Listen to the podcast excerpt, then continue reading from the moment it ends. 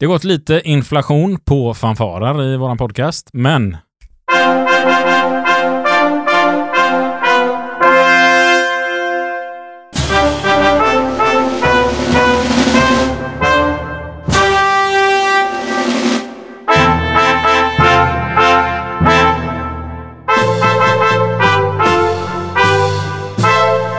Där kommer en till.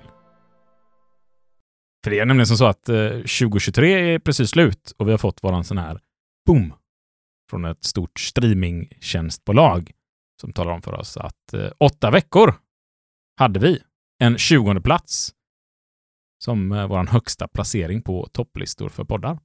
Det är ändå, det är fan mer än en fanfar. Det är en klapp också. Ja, det är absolut. Och lite andra. Biltutor. Om alla som lyssnar på detta kör bil kan ju tuta. Tuta vart ni än befinner er.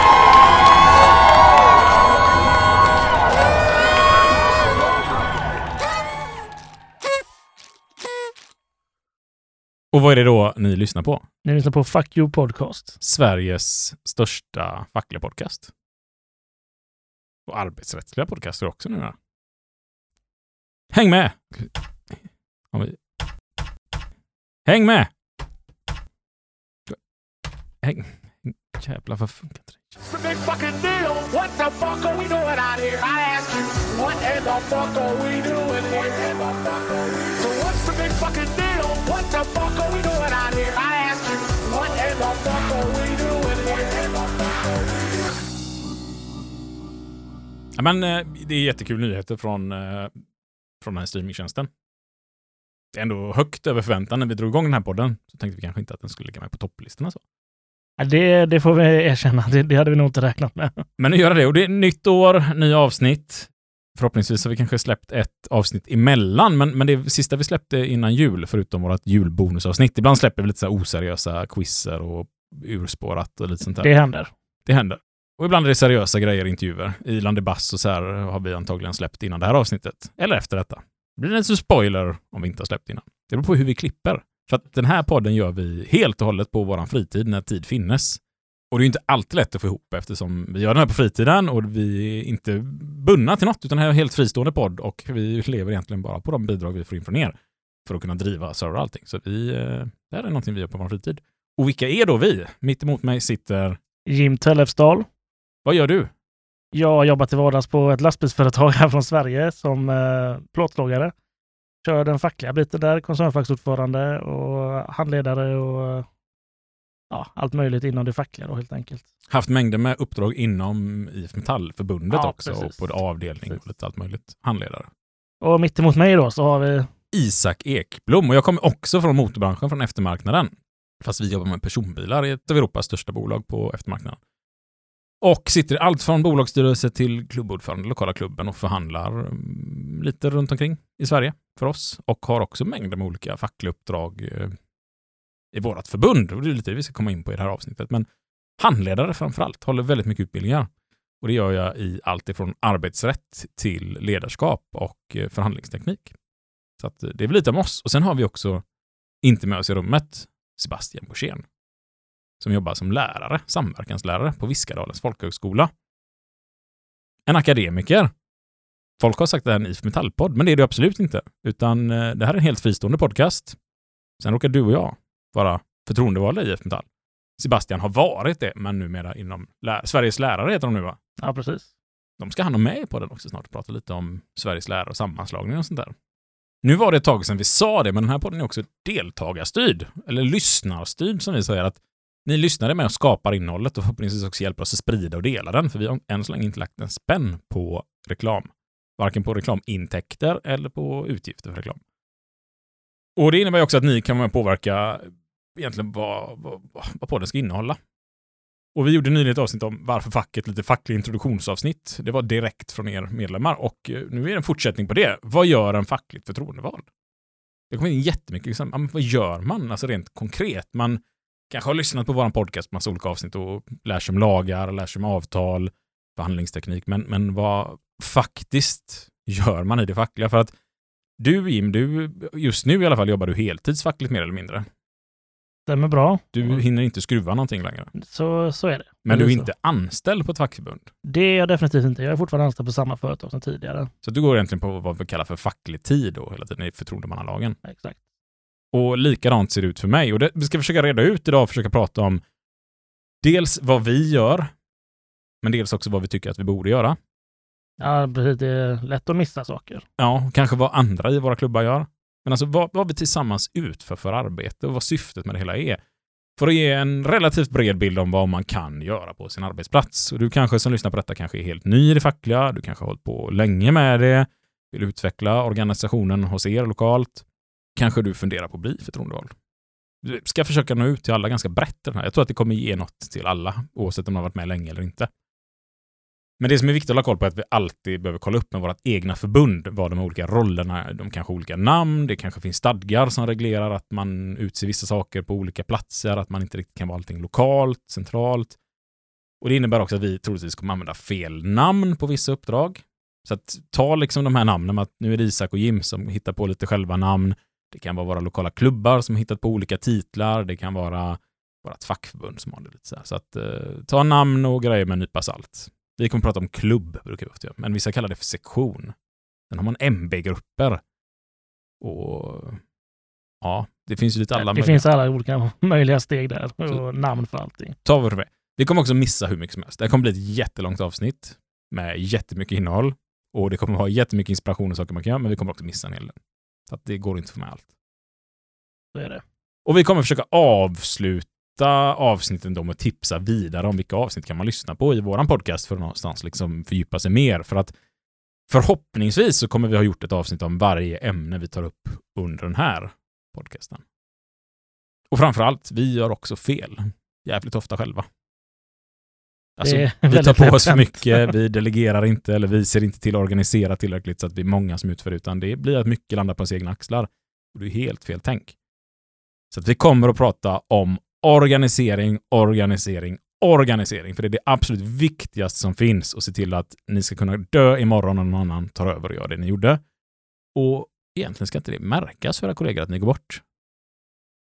Det låter Vad hemskt att hemskt säga det här så. låter. Ja, Ja, precis. men de kan ju vara ledsna och bli av med er. Men det ska ju inte vara som så att man, vad, vad är min lön? Nej, men han är fackliga dog. Jaha. Liksom, vad är det här för kemikalier vi, vi andas in när man blir sjuk av?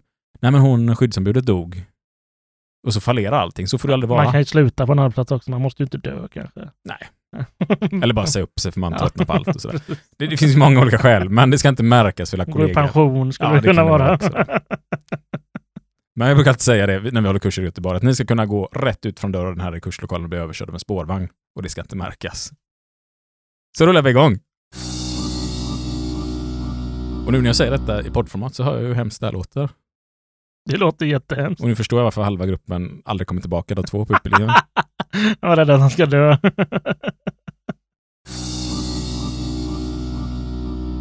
Till det här avsnittet så kommer det finnas en liten mindmap som ni kan finna på våra sociala medier eller på vår hemsida fuckypodcast.podbean.com. Klickar man på en liten länk där det står affischer och blandat, tror jag det står. Så kommer man in i vår Google Drive och där kan man hämta hem den här bilden eller se den på sociala medier. Och det är en liten mindmap så att vi kommer liksom för grupp för grupp försöka gå igenom allt. Vad tusan är det man gör som facklig? Och det första underkategorin vi har i vårt lilla träd här med olika ämnen. Det är MBL och samverkan och det har vi, vi gjort ett väldigt mycket fördjupande avsnitt i. Men nu benar vi ut det här. Men vad är det man faktiskt gör på arbetsplatsen? Och det kanske tydligaste och viktigaste så här liksom i MBL, driva frågor. Vi har ju möjlighet att förhandla om allt som finns. Och vad kan det vara för typer av frågor man förhandlar? Ja, men löner och lönesystem tänker jag börja med att säga i alla fall. Det är väl väldigt vanligt. återigen någonting vi har ett avsnitt Men jag tycker det är så jäkla viktigt att börja där, för att lön brukar vara en stor anledning till att man går till jobbet. Sen säger vissa så här, ja, men det är mycket annat också. Det är klart att det är mycket annat också. Men ta bort lönen. Och jag tror en väldigt stor del av de människorna som går till arbetet idag hade slutat med det. Jag tror väldigt många hade slutat med det. Ja. Ja. Sen finns det de som, som kanske har ett jobb och en god ekonomi som inte behöver lön för att arbeta. Men de flesta av oss behöver lön för att arbeta. Och ett lönesystem är, tycker jag, en grundbult i att se till att det blir en bra löneutveckling framöver. Vi har ett helt avsnitt om det. Men det handlar ju där om att då dels kanske hitta ett, ett lönesystem som fungerar för arbetsplatsen och någonstans i gruppen. För det här handlar om att man ska tillsammans göra detta arbetskollegor emellan. Vad är det vi vill ska baseras på lönesystem? Är det hårt slit? Är det kompetens? Är det vem som varit här längst? Är det den som är kompis med chefen, längst tunga som det brukar kallas? Men det här kan ju ändå skilja jättemycket från arbetsplats till arbetsplats. Kan du snabbt, hur, ert lönesystem, vad är det baserat på? Det är 100% baserat på kompetens. Vilket innebär att ju mer utbildningar, ju mer svåra jobb du gör, ju mer har du lön helt enkelt. Exakt. Och jag kommer från en bransch där vi jobbar på ackord. Så att hos oss är det till 100% hur snabbt du jobbar som avgör hur mycket du tjänar. Eller hur effektivt då kanske man ska se det. Ja, men det kan man också se det som. Och det kan ju låta snarlikt, men behöver absolut inte vara det. Vi har ibland en problematik att ju duktigare du blir, ju svårare jobb får du, ju svårare blir det att få ihop den här tiden på ackord. Och det är klart att ja, men då har vi på våra håll förhandlat in lite andra löner för de här individerna. Men, men lönesystem kan verkligen utvecklas helt och hållet efter vad man tycker och tänker på arbetsplatsen. Och nästa steg är då det är kompetensutveckling kanske? Jätteviktigt i våran bransch. Det, det hela tiden sker förändring, att vi är med och faktiskt påverkar och förhandlar om att vi får gå utbildningar, att vi går rätt typer av utbildningar och att man liksom ligger på och ser att den här kompetensutvecklingen som behövs, den får vi. Idag tar vi in massa bilmärken från, ja men nu senast bland annat från Kina. Ja, hur, till, alltså hur, hur lär vi oss att skruva med de här bilarna? Men det är på engelska, alla utbildningar är. Vi kanske till och med behöver kompetensutveckling i språk. Alltså, det kan ju vara oändliga variationer i vad man behöver för kompetensutveckling. Det kan vara allt från att lära sig ny teknik, lära sig datorer, till att lära sig språk, lära sig kommunikation, lära sig hantera stress exempelvis. Kompetensutveckling kan också vara hur brett som helst. Men här handlar det återigen, lyssna in. Vad vill dina kollegor? Vad vill gruppen? Vad vill de anställda? Och det är det vi ska driva. Jag lägger till här lite också med personlig kompetensutveckling, alltså mer hur du kanske tar hand om kunder, hur du eh, bemöter dina kollegor, hur vi hjälps åt och jobbar eh, över gränserna lite grann. Alltså så här, det, det, är en viktig del med, ofta för företagen väldigt viktig. Men bra är det viktigt för att se till att du får betalt för det och sen också i lönesystemet här som vi pratade om innan. Det vill jag skicka med också. Det är som ni kommer märka i det avsnittet, det är så mycket som hänger ihop. För nu pratar vi om utbildning som behövs, kanske bara för att sköta sitt arbete och trivas på sitt arbete och känna att det är givande att gå till jobbet. Men också om det är kopplat till lönesystem. Sen ska vi komma in lite sen på arbetsmiljö och stress var vi inne på nu också. Det kanske krävs också för stressen för att kunna hantera och känna sig lugn och ro i sitt jobb, att man vet att jag kan hantera alla de här grejerna som dyker upp. Så att eh, mycket av det hänger ju också ihop med varandra. Nästa punkt jag skrev upp, det var fikarum. Det kan ju vara en sån jätteviktig, i ett avsnitt i början här, så organisering, vi pratade med, med Pablo på Byggnads, som innan var engagerad i transport, och liksom han berättade om det här, hur starka de blev ihop när de bara förhandlade och fick in ett pingisbord och lite härliga grejer i lunchrummet och uppehållsrummet. Liksom att de blev som en familj på golvet för att de kunde liksom ha kul på jobbet. Man kunde stanna kvar en stund efteråt och koppla av med sina kollegor. Och det kan vara en viktig, viktig facklig fråga. Alltså bara hur ett fikarum ser ut eller hur ett omklädningsrum ser ut och vad det finns för trivsel. Och där kan man ju dra ut, det kanske är firmafest. Det, alltså, you name it. Det är klart att det påverkar vårt arbete och det kan vara en facklig fråga. Jämställdhet är en fråga som skrivits upp som kanske också är jättevariation på i olika branscher, men hur man faktiskt jobbar med jämställdhetsfrågor på arbetsplatsen. Och det kan ju vara allt ifrån som hos oss, vi har väldigt många områden där man inte kan vara om man är gravid eller ammande. Det blir ju en väldigt viktig fråga för oss att hantera. Liksom. Hur löser man det för en anställd som är gravid eller ammande? Men det kan också vara problematiken att vi är en starkt mansdominerad bransch och väldigt mycket arbetsgivare som tycker att män ska väl inte vara hemma och ta hand om barn. Så vi ska bli fråntagna rätten att vara hemma med våra nära och kära och arbeta under hela tiden. Och det är vi jävligt trötta på att bli handlade på det sättet. Så det är klart att den kampen måste vi ta åt alla håll och kanter.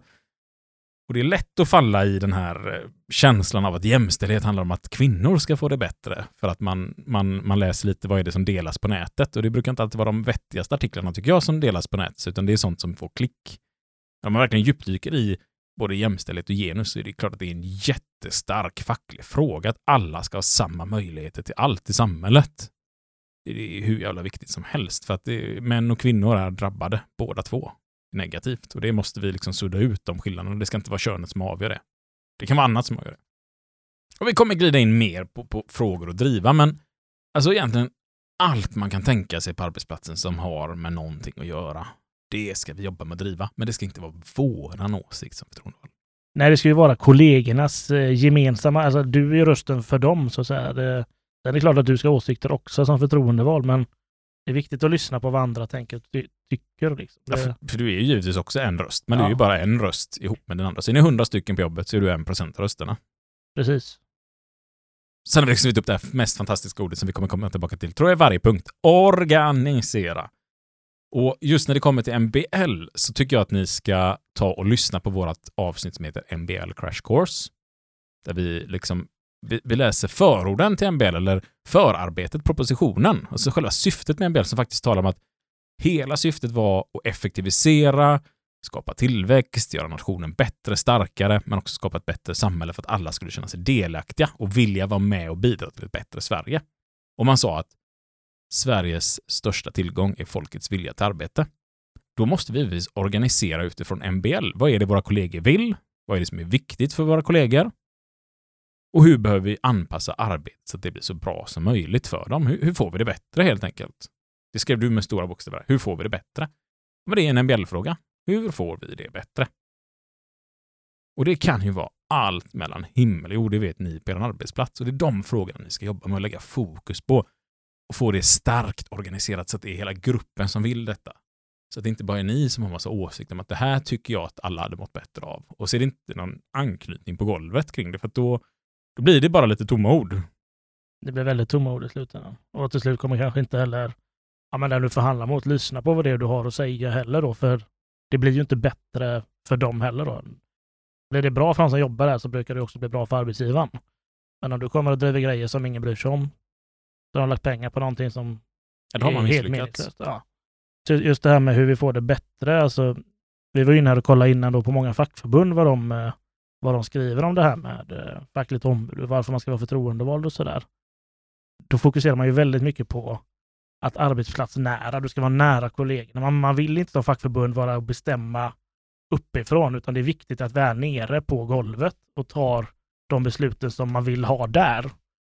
Den måste vi liksom skicka med här känner jag. Att det, det är det viktigaste. För det var det vi hävdade när vi fick medbestämmandelagen, att det var, det var det som var hela syftet med MBL. Att arbetsgivaren ska ha en person att prata med som vet hur det är på golvet och som kan förmedla det vidare till golvet. Och det är det som ska göra att alla ska känna en delaktighet i alla beslut som tas. Sen är det inte alltid som så att man har rätten att tala om så här ska det bli. Alla ska ha känt att det finns en person där som har lagt fram mina förslag, mina idéer, mina tankar och talat om för företaget vad jag tycker och tänker. Så jag var delaktig i beslutet i alla fall. När man då har suttit i de här förhandlingarna som det blir, och en förhandling, det kan ju vara allt ifrån att man går in och sätter sig hos sin chef med en kopp kaffe och säger att jag har lite idéer, eller vi har lite idéer på golvet här, hur man skulle kunna effektivisera, eller hur man skulle kunna få en bättre trivsel och sådär. Och så diskuterar man det. Ja, men det är en förhandling. Det kan också vara en förhandlingsframställan man lämnar in med ett hot om vite eller skadestånd. Så det är också en förhandling. Allt, allt är förhandlingar på arbetsplatsen, alla diskussioner och allting. De här förhandlingarna som sker, de behöver man ju förmedla ut. Hur har samtalen gått? Vad har hänt? Vad har det tagits för beslut? Vi ska inte ha massa tystnadsplikt. Det kan vara tystnadsplikt på delar som man förhandlar. Det är alltid viktigt att komma ihåg att då ska man förhandla om den tystnadsplikten som läggs. Det är inget man bara per automatik har. Sen kanske man kan ibland spara in på information från diskussioner. Ibland kanske företaget slänger ur sig dumma grejer och så inser de att där, där sa vi något dumt. Och det kanske man inte alltid måste gå ut och tala om exakt, utan alla ska väl ha en chans att få ångra sig och tänka om för att man ska ha ett bra förhandlingsklimat där man kan prata fritt ibland. Men överlag så mycket som möjligt. Säger företaget bara nej till saker, det är klart man ska ut och informera om det och skälen till det. För det är också viktigt att det ska finnas skäl till det. Men de här då kan ju leda ut i protokoll. Och det är viktigt att man som förtroendevald håller koll på de här protokollen, alltså läser dem, kanske skriver dem, förmedlar ut dem, men också ser till att arkivera dem, att det finns, så att det finns tillgängligt för fackföreningen. Och framförallt tillgängligt för framtida som ska engagera sig, att de ska förstå att man får tänka på att det här är inte jag som ska ha koll på mina papper. Det här är vår förening som ska i all framtid ha koll på vad som har avtalats. Och kanske bakgrunden lite sådär. Så att jag brukar ju liksom eh, skriva ner lite vad var det för tankar vi hade in i förhandlingen, vad var vårt mål, vart tog det vägen? Och sen brukar jag ta foton på mina anteckningar, även om det är svårläst, så mycket som möjligt, bara spara det på ett ställe så att det finns. Och det kan man ha på nätet, på en hårddisk, pärmar, alltså lite vad som funkar för er. Men det är viktigt att ha koll på det. Men det är som du sa förut, att du, du ska kunna gå ut genom dörren och kliva ut framför en spårvagn då och så är du inte kvar mer. Eh, Men det, det är jätteviktigt för föreningen att det finns eh, kvar i alla fall. Och, och nu sitter alla ni och tänker så, herregud, det är så farligt att vara i Göteborg, men det, är, det händer att man nästan blir överkörd av spårvagnar ibland. Ja, men då har man inte varit eh, aktsam nog. Nej, de är stora och blåa, de, är de, oftast- du bör se dem. Oftast ser man dem. Oftast. Men om man är gaisare kan man ju ha lite otur. Vilken fräckhet! Hur kunde han, den lille fisen? Jag är galen, sa han. Vem som sa det? Min chef i morse. Han kallade in mig. Det? Inte mindre än fyra passagerare säger att du har uppfört dig otrevligt under senaste veckan. Du gormar i mikrofonen och du försöker preja eh, cyklister och du... Det, det var en liten vase som du inte släppte på alldeles nedanför Götaplatsen. Varför släpper du inte på honom? Därför att han var gaisare. Och ju du är. Va- eh, eh, Var han gaisare? Ja, visst. Ja. Och vet du vad Westin sa mer? Nej. Jag ska sluta köra spårvagn. han. Och jag passar inte att köra spårvagn. Ja, så är du gaisare och ja, upplever att spårarna har kört förbi dig så är det ju tack vare att någon facklig har sett till att rädda kvar sådana här hjältar som Rolf på spårvägen i Göteborg. Under MBL här så tycker vi också det är viktigt att ha med det här om kollektivavtal. För att, för att det ska vara ett giltigt kollektivavtal så ska det vara skriftligt.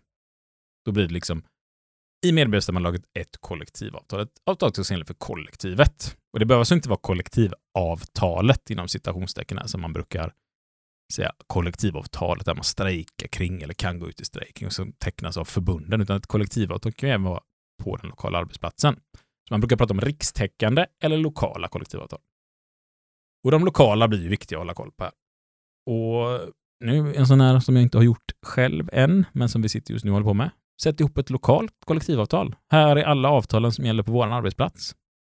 Sätt ihop det med det vanliga kollektivavtalet och se till att det kommer ut, att alla får tillgång till det, att folk kan se det. Vad finns det för avtal? Vad är det som gäller? Ju fler som läser, ju mer som tittar, ju större engagemang blir det. Det är ibland fantastiskt när man skickar ut sådana här grejer och folk man aldrig trodde skulle vara engagerade eller intresserade kommer så här. Det här är en massa frågor. Vad innebär det här? Kan man göra så här? Ibland kommer de mest tokiga tankarna. Man säger, hur, hur kan du läsa in det här i den här texten? Men då tar man vara på det och det skapar alltid jättemycket engagemang. Och kanske passa på att få iväg dem på utbildning. Så, där. så att organisering, organisering, organisering i avtalen också. Avtal ska inte vara någonting som ligger på en fackexpedition lite hemligt sådär, utan det ska vara någonting som alla har tillgång till, som alla har bläddrat i och som alla har läst. Något jag absolut inte får glömma här på MBL eller samverkan då, det, det är informationsmottagare. Det kan ju handla om väldigt, väldigt mycket då, men det är ju ofta förändringar som företag vill göra eller hur det går för företaget eh, ekonomiskt. Vad händer för framtiden? Ny teknik som är på väg att komma. En, energihushållning är ju en sån grej som står med i många avtal, att man ska vara med och diskutera och förhandla på företagen. Vilket man har tänkt, varför ska det vara med? Men det är ju en högaktuell fråga idag. Dels för klimatet, men också för elpriserna. Att det kan finnas sjukt mycket idéer på golvet. Just det här som du säger med att lyssna på idéerna på golvet. Alltså folk som jobbar med saker vet ju vad man skulle kunna spara in på. Det är jätteofta man, man har hört från kollegor att ja, jag vet inte varför vi håller på så här, men nu har de sagt att vi ska göra så, så då gör vi väl så då. Men lyssna på dem istället för vad de har för idéer så kan vi, vi kan göra något nyttigt av det här istället som gynnar alla i slutändan. Och det ligger ju i allas intresse och framförallt då också att man gör det i samband med förhandlingar så att man tar del av de här besparingarna eller vinsterna som man tar. Ja, det blir precis. viktigt att koppla till lönesystem, så mycket kommer ju vara kopplat till lönesystem hela tiden. Men jag tror att när man får till de här bra samverkan, bra diskussionerna så, så hittar man ju sätt verka på så att det också går tillbaka. För företagen är ganska snabba överlag och uppfattar att ja, får vi in mycket tips och idéer så är det värt att premiera ekonomiskt tillbaka. Och det kan man ju hitta massor av lösningar. Vi har förhandlat in ett stort pensionsavtal hos oss som gör att man får massa extra i pension om vi går bra med vinst på slutet av året. Så att det finns ju incitament för att hela tiden faktiskt hitta mer sätt för företaget att tjäna pengar för att det går tillbaka till oss. Kanske inte den utsträckning vi hade önskat, men ändå en stor del. Den punkten vi kommer gå in på nu kommer att uppröra vissa. Vissa sådana här griniga skyddsombud. De är, de är ju det ibland. Ibland är skyddsombud Det, det griniga. kan de vara, men det kan vi också vara kanske kan som inte är vara. skyddsombud. Och framförallt tror jag att det bygger på att man i vissa områden, eh, i vissa tider, så har man separerat skydd och arbetsmiljö med facklig verksamhet. Och liksom skapat två olika organisationer. Och jag har ju aldrig varit i en organisation där det är uppdelat så, men jag förstår att det faktiskt finns ställen där det ser ut så. Vilket är horribelt. Att jag tycker att all arbetsmiljö går in i det fackliga arbetet. Det är helt omöjligt att, att påstå att det inte skulle gå in i det fackliga arbetet. Och vänder man på det, skulle inte resterande frågor gå in i arbetsmiljö.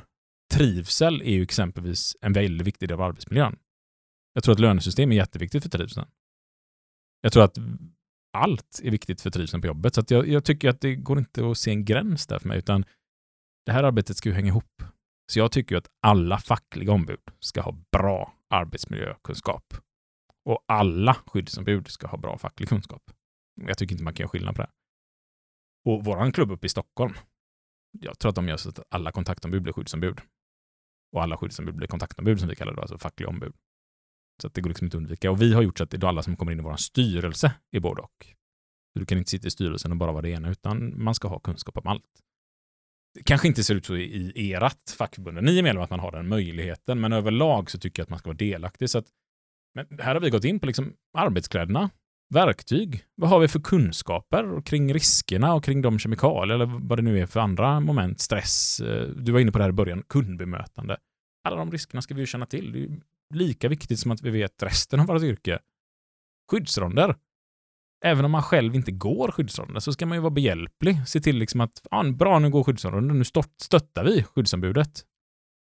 Inte stött, störtar, utan stöttar. Det är viktigt att hålla isär Väldigt viktig skillnad där. Vi ska ju stötta skyddsombudet och visa att det, det är vi alla som står bakom det här skyddsombudet. Och, och vi är behjälpliga att gå med, vi pekar på saker, vi, vi liksom finns där, vi erbjuder oss att vara med på skyddsronderna. Även på riskbedömningarna.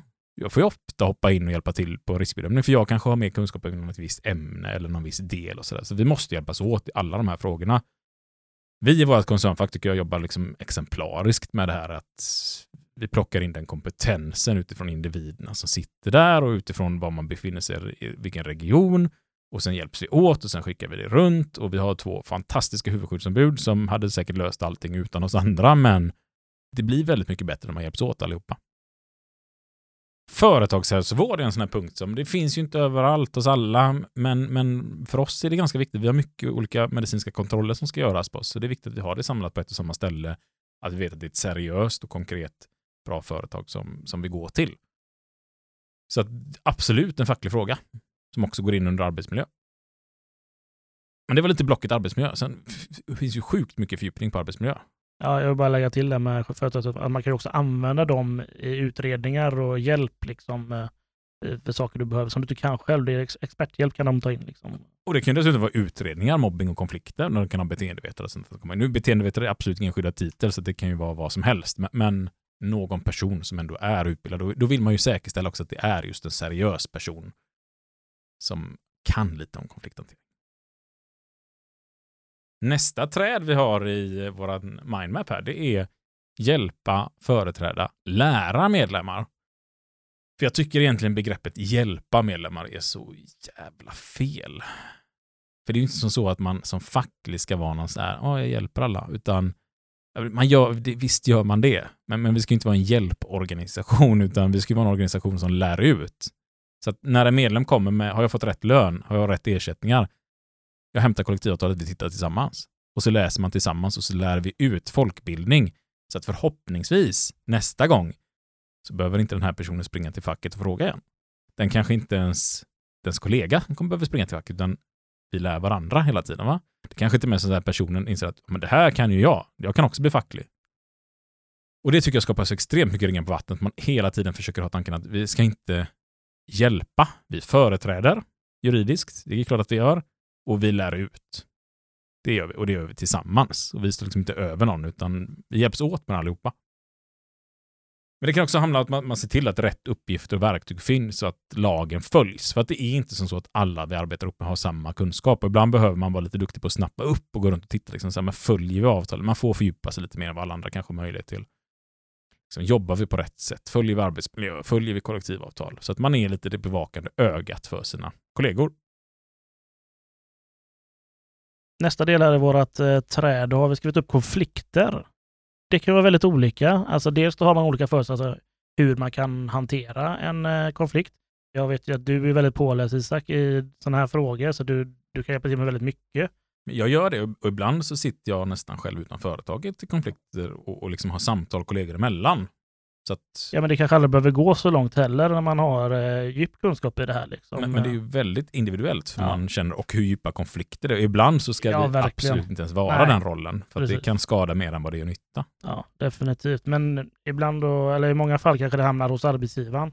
Men då kanske du ska vara med och se till att det faktiskt, ja men dels att man sköter det på rätt sätt, men att, att du ser till att det händer någonting, att det inte bara är ja men vi ska fixa det och så gör man inte någonting sen, utan då kanske du får lägga på lite och hjälpa till och pusha att eh, ja men här behöver vi hantera detta, för många kollegor kanske vänder sig till dig också då efter ett samtal de har haft med chef och så behöver de prata ut lite och men då måste du se till att det, eller kanske hjälpa till att det händer någonting mer sen, att det inte stannar där, utan det, vi är inte färdiga här bara för att eh, vi har haft ett samtal nu, utan det, det, det behöver fortsätta.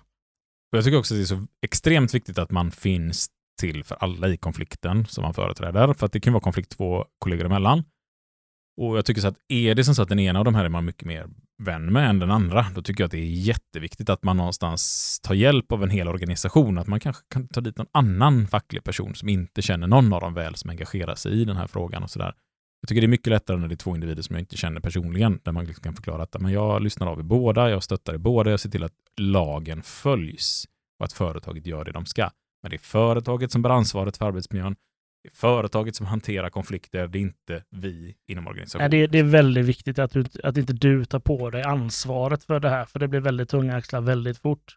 Och så kommer eh, förmodligen någon av dina kollegor känna sig sviken av eh, facket, liksom, eller dig då, Ja, och det är, eh, personligt. Och det, och det är jättefarligt att ta på sig det ja, ansvaret. jag, jag tror också att det är en lögn att säga till sig själv att man inte påverkas av vem man känner sedan tidigare, eller Ja, vilken det- historia man hör först. För det är också en sån sak som Definitivt. påverkar. Den historia man hör först är ofta den man tror på. Och det, det är jättesvårt att inte ha förutfattade meningar i en konflikt och sådär. Och det är jätteviktigt tror jag att man håller isär det. Men- Och det, det här gör vi ett helt avsnitt om tycker jag. Lite non-violent communication-avsnittet kan man gå in och lyssna också, så Mm, får man ett bra sätt på hur definitivt. man kan prata i konflikter i alla fall.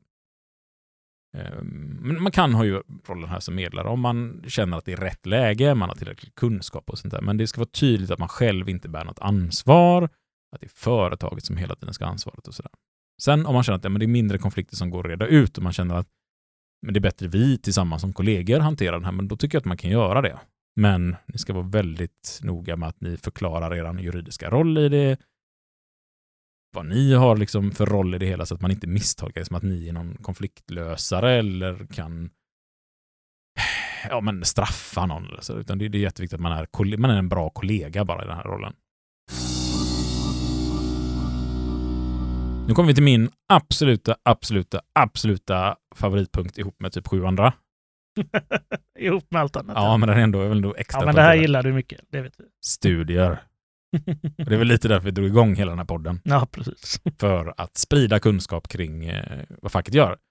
Och här handlar det ju som facklig, och eh, återigen en sån här sak. Eh, ofta har man med kanske en studieansvarig, men jag tycker att det ligger ett ansvar precis som arbetsmiljön på alla i en hel facklig organisation. Och då säger jag så här, alla, inte bara de förtroendevalda. Medlemmarna. Alltså drar man det till sin spets, jag hade nog gärna sett att man i något fackförbund testade och säga att man får inte bli medlem förrän man klarar av vårt prov. Du ska veta vad facket är, annars vill vi inte ha med dig. Jag förstår att man i praktiken inte kan göra detta, för det är svårt för folk att lära sig om facket om de inte är medlemmar. Men alltså själva principen om att om vi alla hade känt till vad facket innebär, vad man kan göra, hur mycket man kan påverka, så dels hade ju alla varit medlemmar i ett fackförbund, oavsett vad man tycker politiskt, oavsett vad man tycker om människovärde. Alla hade varit medlemmar i någon form av fackförbund. Och jag är helt övertygad om att alla hade utbildat sig och det hade varit sjukt mycket mer som hände på arbetsplatserna. Men nu ser det inte ut så, så vi får ju förhålla oss till den här verkligheten vi ändå lever i.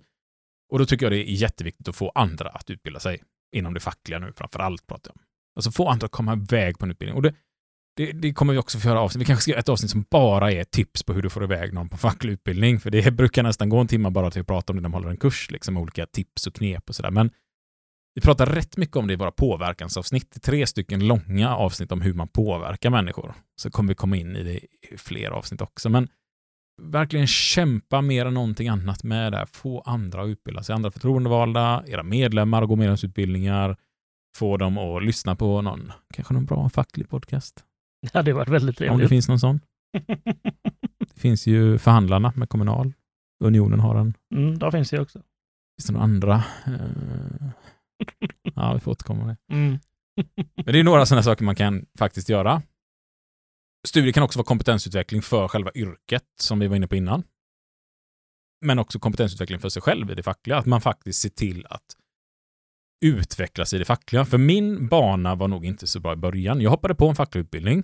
Tyckte den var... Nja, den var inte så bra. Jag, jag tyckte det var en jättebra handledare, men jag var sjukt besviken med den här gruppen jag hamnade med. Det var ingen som var särskilt driven och det var ingen nivå på gruppen. Så det blev inte så bra utbildning. Så jag kände så här, men jag går inga fler utbildningar. Och sen var jag facklig några år utan att gå några utbildningar och hade en väldigt bra klubb i alla fall. Så jag lärde mig extremt mycket där. Tills min ordförande fick med mig på en utbildning och sa att men du, du ska med mig på den här utbildningen Isak. Och den var jätteavancerad, jättetuff, jättetung, alldeles för tung för mig då. Men man kom in i det och kände så här, wow, det här var kul tyckte jag. Så det gäller att hitta en på rätt nivå. Jag tror inte heller det är kul att springa iväg på en alldeles för avancerad om man inte löser den.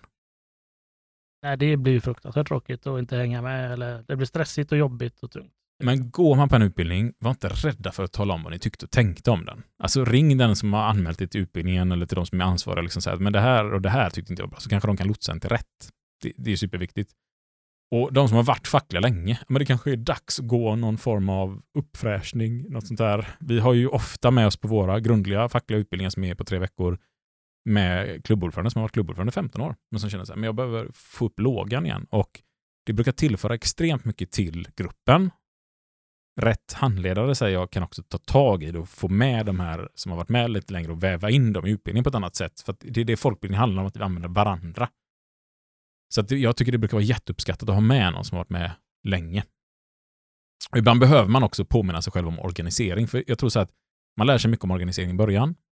Sen lär man sig mer och mer fördjupande juridisk förhandlingsteknik och så glömmer man av det kanske absolut viktigaste som finns. Så nu säger vi det igen. Organisering, organisering, organisering. Eh, lagar avtal. behöver man fippa sig i, givetvis. Men sen har jag också tagit med aktiviteter där. Det är ju någonting du har varit jätteengagerad i när vi satt med i någonting som heter IF Metalls ungdomskommitté och du kom till och med i förbundets centrala ungdomskommitté. Sitter du med nu? Nej, jag är inte kvar. Nej, för du är över 30. Jag är för gammal. Du är för gammal. Men där gjorde vi ju lite allt möjligt. Så bara aktiviteter, aktivera folk i fackliga sammanhang. Och vi körde ju något som det var mest uppskattade vi hade här i Göteborg. Det var ju fotbollsturneringarna. Väldigt, väldigt många medlemmar som uh, ville vara med. Och... och extremt många som inte hade någon facklig kunskap och kom dit. Och det, ja, men det är något med IF Metall, jag vet knappt vad det är, men det mitt fackförbund. Och det får upp ögonen lite för. Och väl där då, då ska man ju se till att trycka in massa förtroendevalda som går runt mellan matcherna och pratar facket, pratar utbildningar, försöker värva folk till kurser, till andra aktiviteter som man använder som liksom en språngbräda och få in folk, att folk kommer iväg och känner att det här var en ganska kul grej. Bowling har ni kört. Ja, men där, och där har ju ofta möjligheten att kunna sitta i ett rum och diskutera liksom lite någon kortare fråga, någon halvtimme, timma. Eh, prata om för att få lite aktivitet och diskussion i en viss specifik fråga. Då, liksom. Ofta har det kanske varit eh, studier också som man lyft. Och, eh, för det är ju mer en aktivitet att folk ska hitta på någonting roligt på kvällen, men eh, så diskuterar vi lite, ja, men vad, vad kan gå för fackliga kurser? Och man får ju några som går efter dem varje gång. Så Det, och det handlar ju om att sprida kunskapen och informationen. Och jag kan säga något roligt, ja, jag är inte så aktiv på sociala medier mer än att jag sprider massa propaganda på min egna Facebook sådär, men jag sköter mycket av det sociala medierna för våran podd. Och vårt Instagramkonto, då liksom skapade man ett fackfolk så började många fackföreningar följa oss och många avdelningar, olika fackliga verksamheter och förtroendevalda. Och vi försöker att följa ganska många tillbaka. Sen blir det så extremt stort för det så det är jättesvårt att se allt ni gör, men, men väldigt många av er lyssnare det är ju långt över tusen vi följer tillbaka, liksom, så ser vi också vad ni gör. Och där ser man lite sådana här roliga, spännande grejer igen. Eh, det kan vara konstvandringar med facket, stadsvandringar med facket, där man går runt och får information om stan där man bor, som ofta kan vara ganska kul att gå på. Man kanske inte faktiskt har gjort det i sin egen stad, men också med lite facklig information. Och, och där tycker jag vi kan stjäla väldigt mycket inspiration från varandra. Jag tycker man ser massa intressanta, roliga grejer. Det var några som åkte snöskoter för ett tag sedan. Paintball har jag sett där för ett tag sedan. Det blir tufft med snöskoter. Ja, här blir det tufft. Det är fem men där. men det, det, är klart vi ska stjäla grejer av varandra här. Det, ja, det, inte snöskotrarna ska vi inte stjäla varandra, men idén om att Idéer åka. ska vi stjäla såklart. ja, vad fint. Sätt igång en sån konstkupp med ungdomskommittén. Så åker ni till Stockholm och stjäl så mycket konst ni kan. precis. Säg inte att ni har fått idén här. God idé, men precis, säg inte att det kommer härifrån. Styrelse och ombudsmöten har vi med sig. Och nu är vi inne på den tråkiga formalian. Men det här kanske är det som alla vet att man liksom gör som, som facklig förtroendevald. Om man sitter i en styrelse eller ett fackligt ombud, att man går på vissa typer av möten och sånt där. Det kan till och med vara det många medlemmar kanske tror att det är allt man gör också. Och då har vi fått in flera mejl, ett 15-20-tal med från olika individer som har sagt så här, kan inte ni gå igenom vad man gör på ett styrelsemöte? Och det ska vi inte göra nu. Men det har vi skrivit upp i vår sån här att göra avsnittslista. Där det ligger säkert 70, 80, 90 olika eh, förslag från er lyssnare. Så att vi kommer inte igenom med allt med en gång. Men, men den la vi ganska högt, styrelsemötet, just för att fördjupa oss i det. Sen har vi ju ett årsmötesavsnitt som vi spelade in för ett år sedan. Då går vi ett årsmöte lite grann sådär. Det går mycket hand i hand, men i styrelsemötet tänkte vi att vi skulle fördjupa oss lite. Vad, vad, hur kan ett styrelsemöte se ut? Vad kan det vara för frågor man diskuterar? Men man ska ju ta besluten tillsammans. Man är ju inte som klubbordförande exempelvis den som bestämmer. Utan man håller ju bara mötet. Sen är det ju styrelsen som står ansvarig. Sen kan man ju bestämt att fast i alla de här frågorna, då ska det dessutom vara medlemsmöten. Så att man kan ju bestämma väldigt mycket på, i mötesform för att det ska bli så demokratiskt som möjligt. Och det tycker jag är jätteviktigt att man är tydlig med vilka mandat finns var. Så att alla medlemmar vet att ah, men vi har utsett den här gruppen och de får göra allt det här. Eller så bestämmer man att den här gruppen utser vi och de får göra allt det här, men när det kommer till de här frågorna, då ska vi ha medlemsmöten. Och så får man ju någonstans hitta vad tycker vi tillsammans. Och här får man också utgå från kanske storlek. De här jättestora klubbarna vi har i Göteborg här exempelvis, en stor biltillverkare med 10 000 anställda typ. Ja, men de har ju till och med egna repskap där man utser personer från varje avdelning som utser sina representanter för att besluta på deras. Så det finns ju jättestora forum där man beslutar och så får man någonstans bestämma vilka mandat. På en superliten arbetsplats kanske man bestämmer att nej, men vi, vi är bara fem pers, vi röstar om allt. Eller liksom har ett möte med konsensus om allting. Det bestämmer vi tillsammans. Ombudsmöten. Vi kör hos oss, försöker vi samla alla kontakt och skyddsombud eh, på träffar lite då och då. Så man träffas allihopa, för vi ligger utspritt på 17 olika verkstäder runt omkring i Västsverige. Och, och då försöker vi träffas där. Sen har vi också koncernfackliga sådana där vi försöker träffas alla ordförande från hela liksom. Så det, det, kan vara massa typer av möten där man diskuterar frågorna. Vad är det vi ska driva? Hur driver vi dem? Vad har vi för mandat?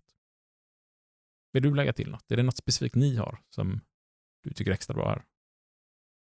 Jag säger nej nu. är Vi, samma. vi är från samma förbund, så vi, vi jobbar ju mycket likadant. Och vi träffas ju ofta och stjäl allt av varandra. Ja, precis. det, är, det är väldigt vanligt faktiskt. Ja. Ja. men jag kommer bort till dig idag Isak. Hur jobbar ni med de här grejerna? Ja, bra. Då tänker jag exakt likadant. Ja, och du till och med förlovar dig med en, med en kvinna med samma namn som din fru. och Så, så vi försöker hålla allting så likt vi kan. Och det är ju jävligt praktiskt, för nu fick jag ett julkort ifrån dig och din Linnea. Och nu kan jag och min Linnea bara klippa ut era ansikten, så sätter vi in våra och skickar det vidare till våra släktingar. Visst är det bra. Så det, det är också ett litet extra bonustips från oss. ja, precis. Och vi går inte mycket djupare på, på det här nu, men kassörer, revisorer, sekreterare, ledare. Alltså man kan ha massa funktionsuppdrag också som gör att man får ett visst ansvarsområde i sitt fackliga uppdrag. Men, men här tycker jag också att vi ska stötta och vara behjälpliga. Så kassören ska ju inte vara ensam kassör, utan det är klart att vi alla ska hjälpas åt och stötta och komma med idéer. Och vi har en försäkringsförening hos oss där vi har skapat en egen personalförsäkring som man kan teckna.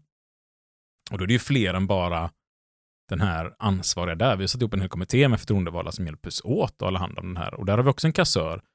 Då får ju alla får hjälpa till och vara lite ansvariga. Även om kassören är ansvarig får alla hjälpa till. För det är rätt mycket pengar som skickas fram och tillbaka och massa medlemmar som betalar sina avgifter in och ut. Och då får man ju hjälpas åt så att det inte ska sitta en stackars Johnny på kvällstid och ringa runt till folk som inte svarar för att de är sena med inbetalningen.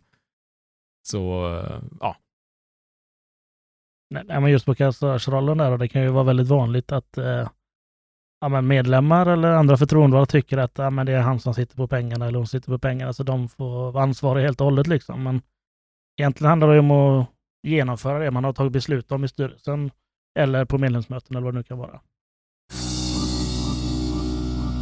Och nu kommer vi in lite på avsnittets höjdpunkt. Något av det absolut viktigaste. Vi har lagt det här i mitten för att det ska vara så stor tyngd i det som möjligt. Vad är det? Organisera. Organisera. Organisera, Organisera. som vi ska säga flera gånger. Ja, det står faktiskt här flera gånger. Det går inte nog att bara poängtera hur jäkla viktigt detta är, för det, det är det allting hänger på. Jag brukar liksom ofta på våra årsmöten prata om detta. att Det, det spelar ingen roll hur duktiga vi blir kunskapsmässigt i styrelsen. Vi kan springa upp och diskutera med företaget och lura skjortan av dem juridiskt. Det spelar ingen roll hur stora och starka vi är som förhandlare. Vi kan springa upp och spänna musklerna och se stora och starka och farliga ut. det kommer inte skrämma upp något företag. Det spelar ingen roll hur ekonomiskt oberoende vi är att vi talar om att ja, ja, men då går vi hem allihopa och skiter i att jobba. Det kommer inte skrämma företaget ett dugg. Utan det enda som faktiskt har effekt, det är att vi är starkt organiserade tillsammans. Att, att man vet om att ja, det är alla på golvet som tycker detta. Det är de tillsammans. Det är vi. Det är vi. Liksom. Och det, det är bara genom organisering vi kan nå detta. Det, det går inte att bygga en elit som kan jättemycket och är svinduktiga. För att eh, det kommer inte finnas någon anknytning till golvet. Sen är det viktigt att de som sitter och företrädas är duktiga och kunniga. Men det är inte viktigare än något annat. Nej, det, det, det är precis. Det är jätteviktigt att man kan det, men är de andra inte bakom dig så var, var, det hjälper inte att du gått hundra kurser.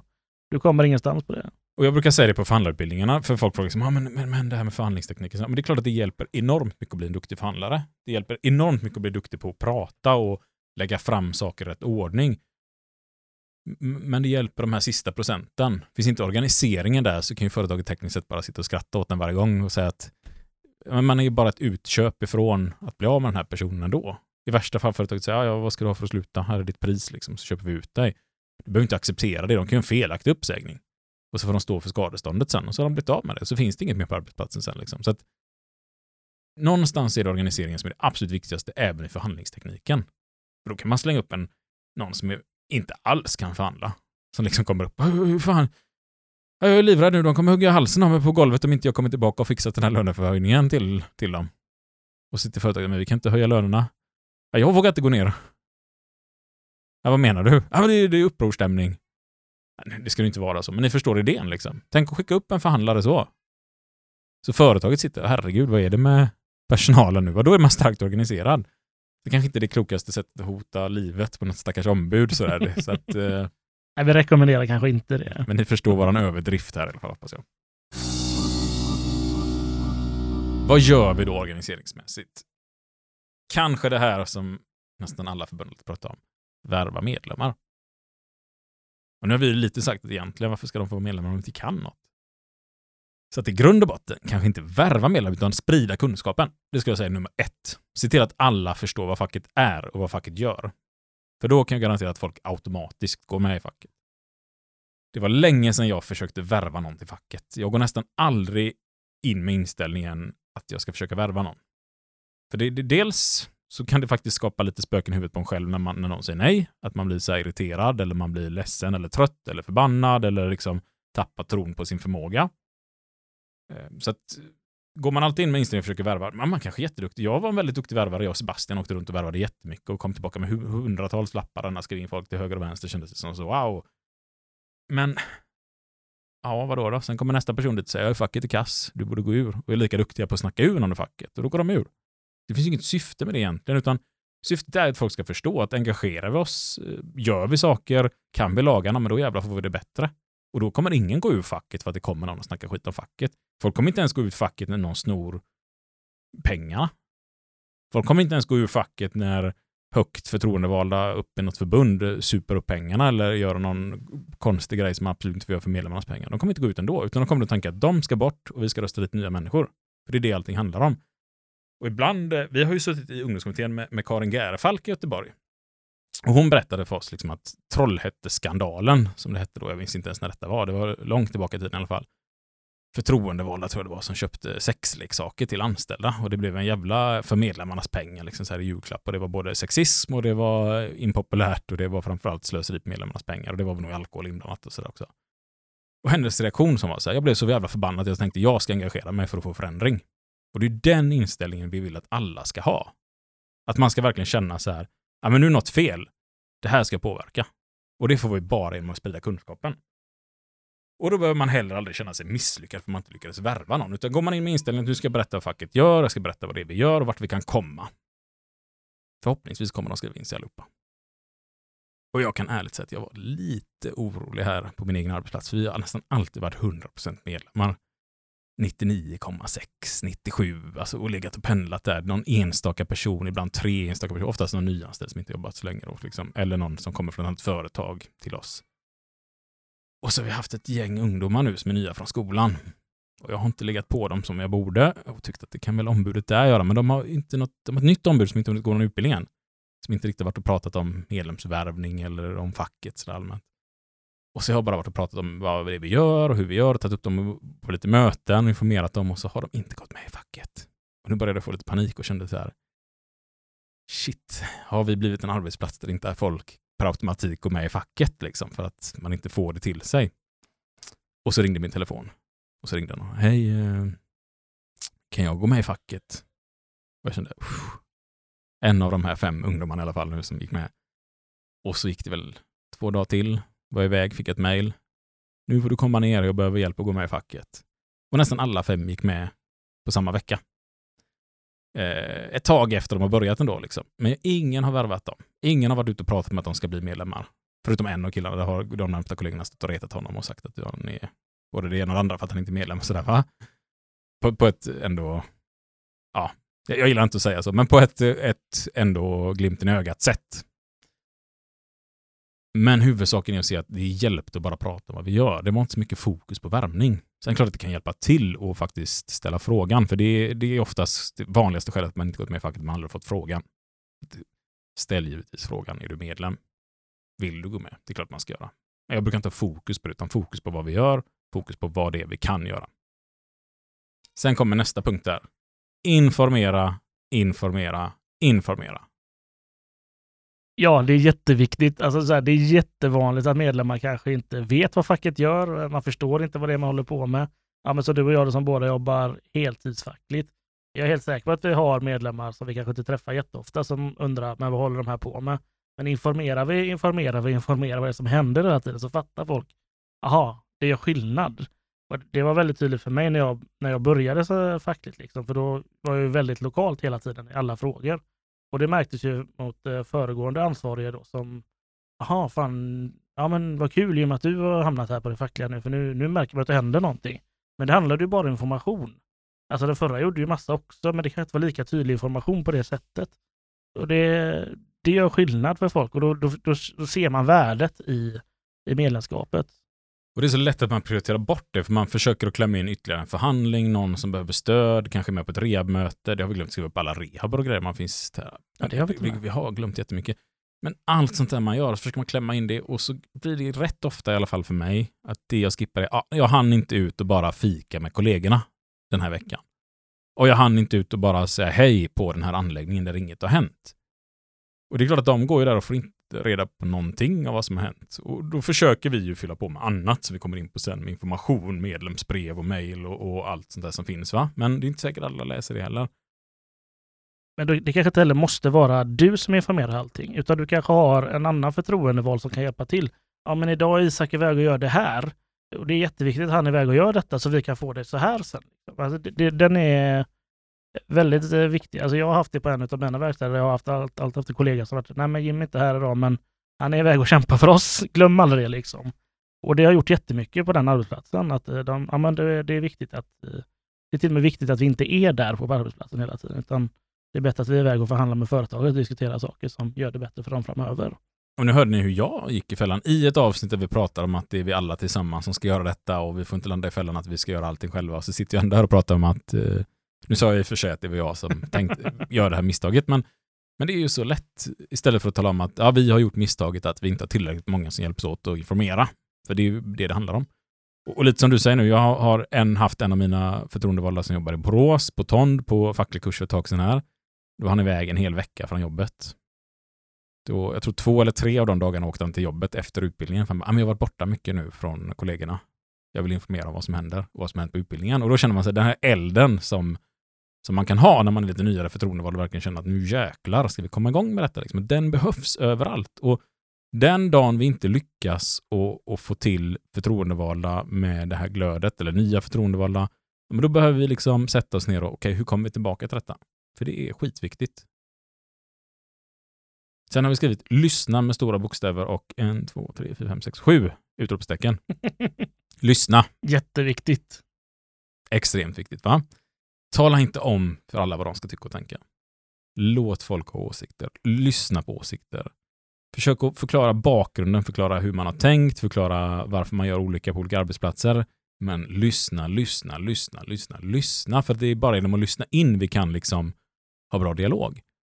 Eh, och vi hade nyligen besök från Motorbranschens arbetsgivarförbund som var och ville intervjua lite folk hos oss som vill se på arbetstider. Och det är väl som så att man vill ha in massa kvällstid i vårt avtal där det inte finns kvällstid.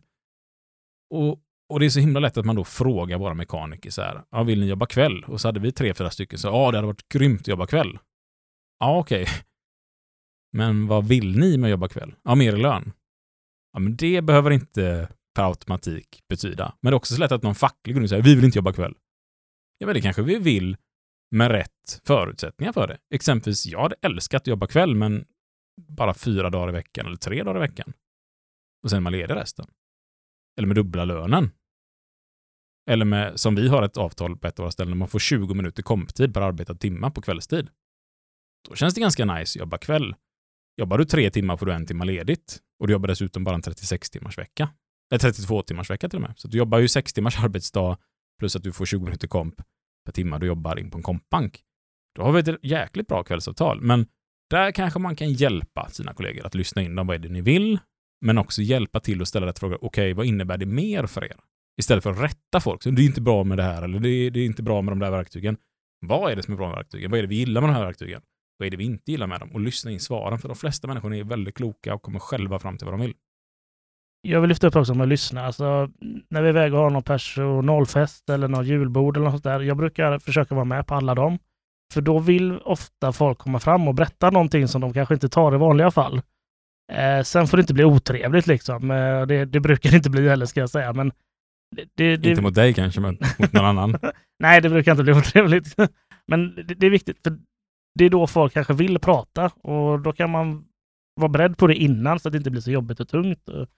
Man ska, man ska känna att det, det här funkar för en själv också. Men jag tycker att det är väldigt bra, för då kommer kanske frågor som inte... Sanningen kommer fram när Alltså- folk får lite självförtroende på början. ja, men, li, li, lite så kanske. Lite så kanske. Men eh, Men då skulle det vara ganska nykter i alla fall för att Ja, det- komma det är ihåg de... lämpligt. Ja. det är lämpligt. Så Jims råd där, om jag ska ordagrant tolka det här, lyssna gärna på folk som är jättefulla, men håll dig nykter själv. Det var inte det jag sa, men... men ni, ni förstår. Bolagsstyrelse och EVC har jag skrivit upp här och det är ju två jättepunkter som vi inte kommer att prata om så mycket här. Just bolagsstyrelse, ja men det kanske är om du jobbar i ett privat eh, bolag som är aktieägt. Det kanske inte ser ut så i ditt anställda familjeföretag eller kommunalt anställt eller regionalt. Men att sitta med i de typer av forum där beslut tar är jätteviktigt. Sen vart det sker, ja men det får man ju fundera på, men jag tycker definitivt att man ska nyttja de lagar som finns som talar om att vi har rätt till bolagsstyrelserepresentation kan jag inte dem på rak arm, det får vi ta ett fördjupande avsnitt i. Men det, det här har vi ett bra avsnitt i vår avsnittslista att ha med i alla fall. Vad, vad som händer i en bolagsstyrelse och reglerna kring det. Men det är enormt viktigt att sitta med och faktiskt kunna dels påverka ägarna, men också lyssna till ägarna. Vad är deras tankar och visioner? För ibland så slänger företag ut sig saker och ting som ah, vi får inte göra det här för ägarna. Men ägarna har inte pratat någonting om det. Ägarna tycker det är jättebra att vi eh, har mycket att säga till om, eller att vi har hög kunskap. Liksom, så här. så att ibland har man mycket mer ihop med ägarna man kanske har med en vd eller med en, en personalchef lite längre ner och sådär. Och ibland är det tvärtom. Det kan variera jättemycket från bransch till bransch. Men jag måste säga att överlag extremt bra samtal, eh, extremt bra möjlighet att få, få vara med och påverka hur bolaget tar sig framåt. Och då får man också verkligen tänka på att här är jag rösten för mina kollegor. Det är inte Isak Ekblom som person som sitter där och är någon bolagsstyrelsemagnet som sitter och håller på sig, utan det är, det är liksom rösten för alla de anställda. Och det är också lite pondus att komma in med det, liksom att här sitter jag och representerar i mitt fall då ja, men nästan 4500 anställda. Jag tänker att det är en viktig del också att du faktiskt är en som vet hur det är att utföra de här grejerna när man väl kommer dit. Alltså, hur funkar det här i verkligheten, i praktiken? Eh, ja, men för styrelsen kan sitta och bestämma långt ovanför ibland och tänka, men det är bara att göra så här. Ja, men vänta nu, stopp här, för vi har de här, de här grejerna vi måste göra också och följa. Och det, är en jävligt viktig del med, man, man, man kan stoppa kanske grejer som inte alltid blir så bra väldigt tidigt i det här fallet då. Eller hjälpa till och lägga fram nya bra saker för man vet också hur det fungerar. Men det här behöver mina kollegor. Så här vet jag hur det var när jag var på golvet. Och för, det, för det är också viktigt att det är Isak Ekblom här som har varit på golvet som kan berätta hur det faktiskt fungerar. Och det är ju inte säkert man har ägare och vd som har så bra koll på vad som händer på golvet. Så att det kan tillföra hur mycket som helst som du är inne på här. Och det är ju också extremt skillnad från bransch till bransch och vad man har för ägare i ett bolag och sådär, vad det är för kunskap man besitter. Men jag skulle nog överlag gissa på att det inte alltid man har så branschspecifik kunskap, utan man sitter på lite mer bredare liksom, ekonomisk kunskap eller liksom, bolagsformskunskaper eller strategikunskaper, men kanske inte alltid grundkunskapen i just den här branschen. Men, men i vissa bolagsstyrelser så är det tvärtom, att det finns jättemycket grundkunskap. Så det är från ställe till ställe. EWC, det står för European Working Council och det är ju någonting för de fackliga, att man kan träffas över hela Europa, de som sitter som fackliga. Vi har inte det hos oss just nu. Vi har ett samarbete med våra norska bolag bara. Hur ser det ut hos er?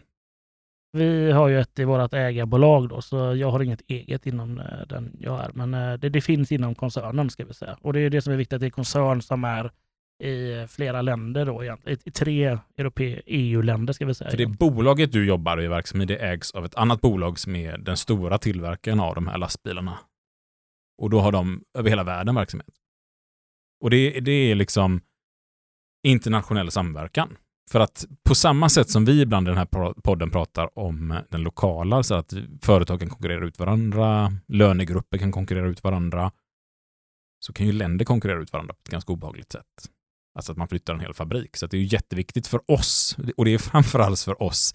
Man tänker så här, ja det är väldigt viktigt för dem i fattiga länder att vi skyddar deras villkor. Men i grund och botten är det ju lika viktigt för oss för att inte allting här bara ska flyttas någon annanstans. Medans du och jag som kommer från eftermarknaden, vi är ju ganska skyddade i våra branscher, man inte kan flytta. Vi lagar saker som har gått sönder här.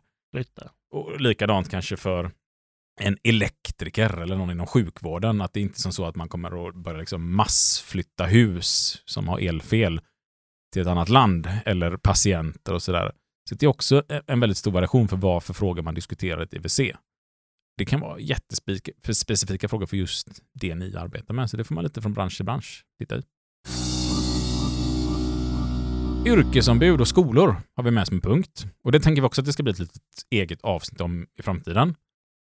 Här har jag skrivit med allt ifrån att man faktiskt är ute i skolor och pratar eh, och gör skolinformationen, för det har både du och jag gjort ganska mycket, så att man förbereder de elever som, nu är vi inom ett speciellt yrke där man har specifika yrkesutbildningar för att börja jobba inom vårt yrke, och då är det lätt för oss att komma ut till just de skolorna och prata om vår bransch, vad det är för krav vi ställer, så att man redan som skolelev vet vad det handlar om.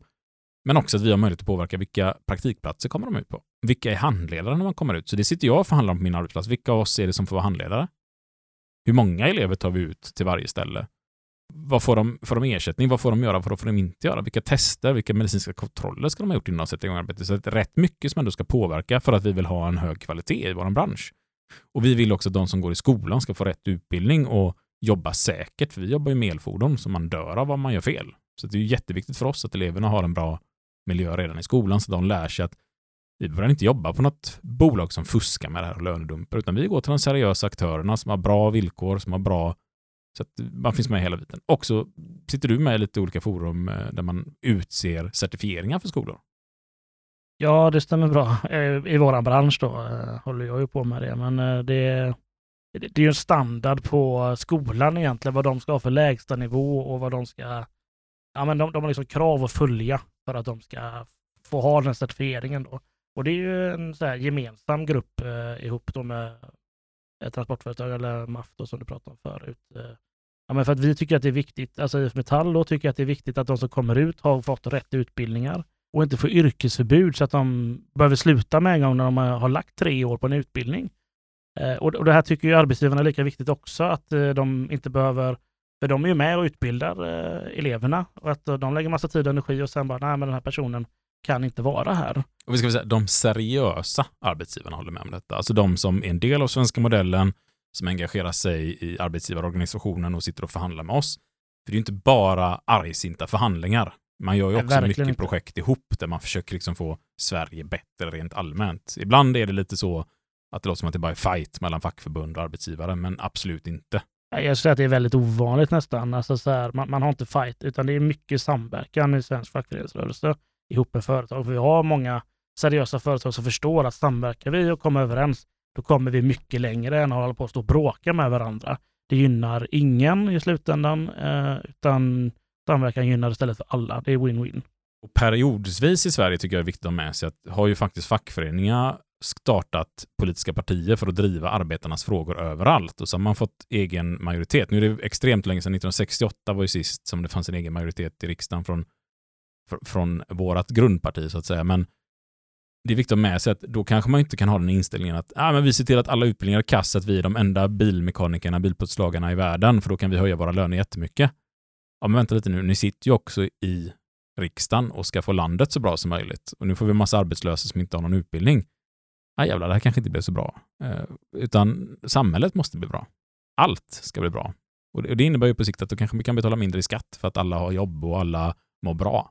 Och det blir inte massa skadegörelse, det blir inte massa kriminalitet. Så att där, där ska vi ta ansvaret, även om det ibland hade varit skönt att bara fightats och sagt nej, låt skolorna vara kassa. Och så höjer vi våra löner för inga kan börja jobba här. Ja, verkligen. Och den, den hör man ju faktiskt ibland från en del förtroendevalda men medlemmar och framförallt kanske tycker att nej men det är bara bra om vi håller borta andra så, så kan vi höja våra löner. Eh, Jag var lite som för 15 år sedan kan jag säga. Absolut. Absolut. Sen kan man också ha med sig att de, de oseriösa arbetsgivarna, de, de tänker likadant. Nej, men varför ska vi jobba med arbetsmiljö? Vi, vi tar så låga timpengar som möjligt så blir så billigt som kunderna så konkurrerar vi ut alla andra. Och det är där vi försöker samverka någonstans. Och nej, vi vill ha hög kvalitet på allt och det ska vara bra arbetsmiljö. Det vi ska tävla om är kunskap och kvalitet. Vi ska inte tävla om låga löner och dålig arbetsmiljö. Nu är vi inne på en av våra stora sådana här block, men jag tänker att vi ska beta av det här ganska snabbt, så det här skulle vi kunna lägga fyra dagar på att prata om. Men samhället har vi skrivit, och det är ju som så att de flesta fackförbunden har stadgar som talar om att man ska företräda medlemmar på alla nivåer i samhället. Alltså även politiskt. För det är ju som så att i princip all arbetsrätt är juridik som stiftas i riksdagen, så att man måste vara med och påverka vad som beslutas i riksdagen för att få det bra. Och all kontroll Alltså Arbetsmiljöverket, det är riksdagen som stiftar. Många av er kanske till och med jobbar för kommunal, regional eller statlig arbetsgivare. Ja, det beslutas också politiskt. Så att då måste vi finnas med och påverka inom politiken. Det går tyvärr inte att komma undan. Och jag vet, jag håller med, det är jättemånga som tycker att vi ska inte behöva engagera oss politiskt från fackföreningshåll, vi ska liksom förhandla på arbetsplatserna. Jag önskar att det bara gick att göra det. Men det gör det inte. Det ser man i alla andra länder där man inte engagerar sig politiskt så blir man totalt överkörd som fackförening för att då stiftar man lagar som försämrar och tar bort fackföreningen. Och det har vi ju i Sverige idag. Det, det är bara att ta den här diskussionen som eh, man får tycka vad man vill om Sverigedemokraterna. Alltså, fine, liksom. Jag tror inte att alla är rasister bara för att man har sympati med Sverigedemokraterna. Men det är ett parti som går ut och säger så här, vi vill ta bort, eller de går inte ut och säger det, men de lägger motioner i riksdagen som talar om att vi tar bort stora delar av strejkrätten. Alltså bland annat så har man skrivit motioner här för något år sedan om att det, man ska få strejka men det ska inte kunna kosta företagen något ekonomiskt. Men då är ju hela fackföreningen utsuddad. Lex Laval är någonting vi har pratat om. Det här som gjorde att Alliansen plus SD stod bakom att alla utländska företag i Europa kunde komma hit utan svenska kollektivavtal och jobba. Och det konkurrerade ut halva jävla byggvärlden och transportsektorn. Och dumpade lönen något så jävla kopiöst i samhället. Så att det spelar ju ingen roll. All annan politik är ju helt meningslös. Om vi tappar så mycket i lön så liksom, ja, om vi sänkte skatten med 30 procent, ja, men det spelar väl ingen roll när du inte fått någon löneutveckling på 30 år och villkoren har försämrats helt markant och du får jobba dubbla skift och dubbla pass för du har ingen fritid längre ändå. Liksom. Och det är ju problemet när vi inte engagerar oss politiskt, när vi inte är på politiker, när vi inte driver frågorna. Ja, men då kan vi bli rundade hur lätt som helst, för det pumpas in miljarder från arbetsgivarnas håll i politik. Det får man inte glömma. Och, och tro någonting annat är tyvärr eh, lite blåögt kanske. Ska vi säga här att det måste ju inte vara partipolitiskt. det alltså, så behöver här, absolut inte vara. långt ifrån alla fackförbund är partipolitiskt bundna, utan men alla är politiskt aktiva på något sätt. Alltså man, man kanske inte dagligen träffar politiker i riksdagen, men äh, man, man kanske skriver tidningsartiklar på något sätt som berättar om det här är viktigt för våran yrkesgrupp. Eh, det, det kan vara vad som helst av den typen, alltså så här, någon typ av påverkan för politiken eller som politiken kan styra. Och jag kan bara tala för IF Metall som är med, att man har ju bestämt liksom att vi arbetar genom Socialdemokraterna för vi var med och startade partiet. Alltså det, det handlar om att vi bestämde att nu måste vi alla fackliga engagera oss på samma ställe så startar man ett parti. Sen så växte det här partiet och det blev mycket annat och många andra klev in i partiet. Grundtanken var att det bara skulle vara vi och vi har beslutat oss för att men vi är kvar i det och försöker fortsätta driva det utifrån våra frågor eftersom vi har startat det för det blir löjligt att starta upp något nytt. Liksom, det var extrem förenkling men lite på det, det är liksom lite grundtanken i det hela. Men vi skickar ju alla förslag till alla partier. Det är ju inte som så att man säger, ja ah, men nu är det bara inom det. Nej men man hör ju av sig i alla typer av frågor till alla partier och ser vad får man gensvar någonstans. Och tyvärr, ju mer man sitter med detta, ju mer inser man att ah, men det, det är inte på så mycket fler håll än det röda blocket där man får igenom saker och ting. Det är ofta ganska rejäla motsättningar i de flesta stora viktiga frågorna. Sen kan man hitta supermycket saker man samarbetar i, hitta projekt man kan driva tillsammans, och det är jättebra. Men återigen, får man inte kräva svenska kollektivavtal i Sverige, utan man kan komma hit och jobba med ett litauiskt kollektivavtal, då spelar det liksom ingen roll om man kan hitta utbildningssamkörningar. Eh, det hittar liksom ingen roll om man kan hitta sätt att utvecklas tillsammans, för det kommer att lönedumpa för mycket. På något sätt måste man arbeta politiskt. Sen hur man gör det, men upp till er och det ska vara ni medlemmarna som bestämmer. Ofta är det här kongressfrågor så att det är medlemmarna som beslutar om det här. Det sitter inte någon topp någonstans och bestämmer det, utan det är en kongressfråga vanligtvis. Men det var det stora politiska. Vi kommer släppa lite avsnitt som handlar just om det här också. Har gjort några också, som kan vara intressant att gå in och lyssna på och få lite bakgrund till varför sitter fackliga på olika ställen runt omkring och vad är det man beslutar om, vad är det för frågor man driver. Så in och lyssna på dem. Sen har jag tagit med studieförbund svinviktigt att vi sitter med i folkbildningen. Jag sitter själv i en styrelse för ABF Sydvästra Götaland och med och driver utbildningsfrågor för folkbildningen. En extremt viktig facklig fråga. Sen har vi med kooperationerna. Snacka nu om eh, att prisökningen och inflationen här skjutit i höjden. Och då kan man ju lite ifrågasätta här kooperationen Coop som vi tillsammans någonstans har startat för att ha billiga matvaror. De gjorde bland de värsta prisökningarna. Men hur aktiva är vi där? Inte alls. Jag känner inte många fackliga som engagerar sig i Coop. Eller rättare sagt, många arbetare. Och när jag säger arbetare menar inte jag kollektivavtalsområde arbete. Jag menar de som arbetar, alltså tjänstemän, akademiker, utan tyvärr så känns det väl lite när man går in, i alla fall där jag bor och tittar på vilka som är Coop-ombud, att det är lite ja, lite allmänt. Det är någon egenföretagare, det är någon som håller på med utveckling och lite sådär. De sitter och och så engagerar de sig och de tycker det är viktigt med vissa typer av frågor. Och så driver de de frågorna och så har man blivit ett bolag som tar in hållbara satsningar. Så jättebra. Liksom. Men vilka, vilken möjlighet det finns för oss faktiskt styra en matvarukedja som finns i hela landet om vi vill. Så det kanske är som så att alla arbetsplatser borde utse ett Coop-ombud på sitt årsmöte. Och det kanske inte ska vara klubbordförande som har tusen andra grejer, utan man kanske har en person på arbetsplatsen som är grym på matlagning eller är grymt intresserad av ekonomi som man utser. Du är vårt Coop-ombud och så tar man möten och talar om vad vill vi i det här bolaget att du driver via Coop. Och där faller också OK in. Oljekonsumenterna, Riksbyggen, Fonus, Folksam. Alltså det finns hur många kooperationer som helst i Sverige. Vi har till och med sagt någon gång i tiden att vi ska ett avsnitt bara om alla de här kooperationerna. Och det finns så mycket vi kan påverka. Icke vinstdrivande företag där man inte betalar överpriser, där man som konsument inte blir lurad, utan det finns det bara för oss och alla vinster går tillbaka till oss som har skapat det. Och det är något Sverige är ganska unikt. att ha så extremt många kooperationer. Jag tycker det är sjukt häftigt egentligen. Sen kan man ju hårdra det och lyssna på ekonomiska demokratier. Varför inte göra alla företag i hela Sverige till kooperationer, personalkooperationer? Men det är nästa steg kanske. Så det här går ju att driva hur långt som helst och det bör man också göra politiskt. Sen har vi här föreningslivet. Musik, teater, foto, konst, idrott. Jag har till och med skrivit allsvenskan. Vi har ju faktiskt en fotbollsliga i Sverige. Vi har till och med ett riksidrottsförbund som har bestämt att det ska vara medlemsstyrda organisationer som är med i Riksidrottsförbundet. Så ska du tävla i Sverige i allsvenskan eller nu är inte jag expert på hockey, men elitserien i hockey. Svenska Hockeyligan. Svenska Hockeyligan heter det nu för tiden. När jag spelade hockey hette det Elitserien och dit ville jag, men dit kom jag inte, så då vände jag ryggen mot det och aldrig mer satt min... Nej då. Eh, men, men, men, det är ju, det är ju alltså styrda organisationer av medlemmarna. Demokratiskt styrda organisationer, det finns med. Och kollar man supportrarna så är det ofta demokratiskt styrda supporterkulturer. Och det är klart vi ska vara med och påverka, kanske inte du som fack, utan någon på arbetsplatsen.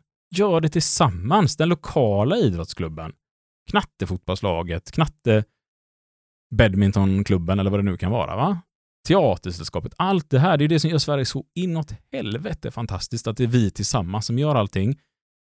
Och det jag är väldigt orolig för, jag bor i en kommun nu som inte är så himla föreningslivsintresserad. Den är väldigt så, wow, företagande, företagande, företagande. Vi får tusentals brev till våra små barn hemma här. Vi har barn på två, fyra och sex år. Betala 10 000 kronor här så kan ditt barn hålla på med idrott på det här privata bolagets idrottstävlingar. Och så ska man betala en anställd eh, tränare då och så går de som på, på något gym liksom nästan då och gör de här aktiviteterna. Och fotboll för bara 900 kronor i månaden. Och tänker jag, jag är med i en fotbollsförening, jag betalar 1000 kronor om året för att träna en gång i veckan, spela match en gång i veckan. lite så old boys fotboll. Men de ska betala tusen spänn i månaden för att spela ett privat bolag som anordnar fotbollsaktiviteter. Va? Och då hamnar man tyvärr det amerikanska, där det inte är ovanligt att man betalar extrema... När jag spelade hockey så, så fick vi utbytesspelare från Kanada. De betalade 150 000 om året i sitt hockeylag i medlemsavgift. För istid, tränare och allt det. Ja, det lyfte väl till och med Zlatan när han var där borta i staterna om att det var alldeles för dyrt för, Till och med Zlatan tyckte det var för dyrt. för barnen att spela fotboll. Ja, det det var helt- 35 000 någonting per termin eller något där. Helt vansinnigt. Ja, men ska allting drivas i bolagsform och det ska vara aktieägt och de ska ha sina utdelningar så är det klart att det är så det kommer att bli. Alltså det kommer se likadant ut. Så att det är klart att vi måste tillsammans någonstans sprida hela den här kunskapen om föreningsliv och ofta är fackföreningen det centrala i att folk lär sig gå på ett möte, förstå sig på hur demokrati och beslut funkar. Man lär sig inte på så många andra ställen faktiskt. Så att vi fyller en enormt viktig funktion i att prata demokrati, prata vad det faktiskt innebär. Politiken har vi varit inne på. Och återigen här, organisera medlemmar. Prata samhällsfrågor för guds skull. Släpp inte det. Prata politik. Var inte rädda för det. Men man behöver inte springa och propagera för ett parti och liksom bara säga du ska rösta på de här för de är bäst och så tolererar man inte att diskutera saker. Man måste ju våga diskutera. Man måste våga utmana. Man måste våga tala om att ja, nu fan sker det dumma grejer i mitt egna parti som jag sympatiserar med. För att det är demokratiskt styrt. Och ju större ett parti är, ju fler medlemmar, ju fler åsikter och ju mer tokiga det kommer det florera. Och så röstar man om det tillsammans. Och någonstans när man har demokratiskt försökt ta beslut så, nu gör vi detta tillsammans. Likadant. Om andra sidans parti vinner vad man inte håller med om, så har vi ändå någonstans beslutat om att ja, men det är ju det systemet vi jobbar efter. Då ska vi alla stå bakom att nu är det de som sitter och beslutar. Då kan man inte starta en revolt varje gång, för då fallerar ju någonstans hela det demokratiska systemet. Och sånt här tror jag vi måste prata om på arbetsplatserna. Sen har jag skrivit kontakt, avdelning, förbund. Det börjar bli ett långt avsnitt. Det börjar det bli. Men man blir ju någonstans som facklig förtroendevald, kan man vara, beroende på hur stor klubb, men, men någon form av kontakt med vad är det som händer i förbundet och sådär. Så man försöker vara den här länken. Men det kanske viktigaste, att man som länk talar om för förbunden, vad är det våra medlemmar tycker? Jätteviktigt. Och det är oftast det de vill ha in från förbunden. Men upplever kanske att det inte kommer in alltid så mycket. Vi, vi har massa träffar där man får träffa förbundet, de kommer ner och lyssnar av alla avdelningar. Och så finns det klubbar som inte ens kommer dit. Och då brukar jag ibland känna så här, i år, i år sänker vi lönerna med 15 procent. Och, sen när, och så säger vi så här, nej men det var det, var det vi trodde. Ni kom ju aldrig på mötet. Vi trodde alla ville sänka sin lön med 15 procent.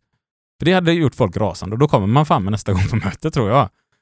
Risken är väl att så många går ur facket också då, om vi skulle göra något sånt. Ja, kanske inte 15 Men var procent. ni inte med på årsmötet? Vi röstar om att dra ner lönerna med 15 procent. Liksom. Vad fan.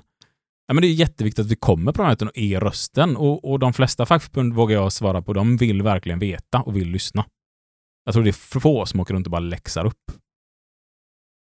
Sen är det viktigt att själv ta på sig avdelningsuppdrag om det är en möjlighet att faktiskt själv stötta upp för att den fackliga verksamheten ska bygga på förtroendevalda. Det här har vi också ett avsnitt som handlar om, ganska tidigt, något organiseringsavsnitt som faktiskt handlar om vad är det man kan göra på en avdelning. För det ska inte vara massa anställda som åker runt och gör det. Det ska vara vi förtroendevalda som hjälps åt. Vi träffas, vi åker runt i olika forum, vi hjälper klubbarna tvärs över, håller utbildningar, eh, kongressombud. Det kan vara hur mycket frågor som helst. Jobba med stadgefrågor och allting. Det- ska ju vi göra tillsammans, hela organisationen, inte bara anställda i förbunden.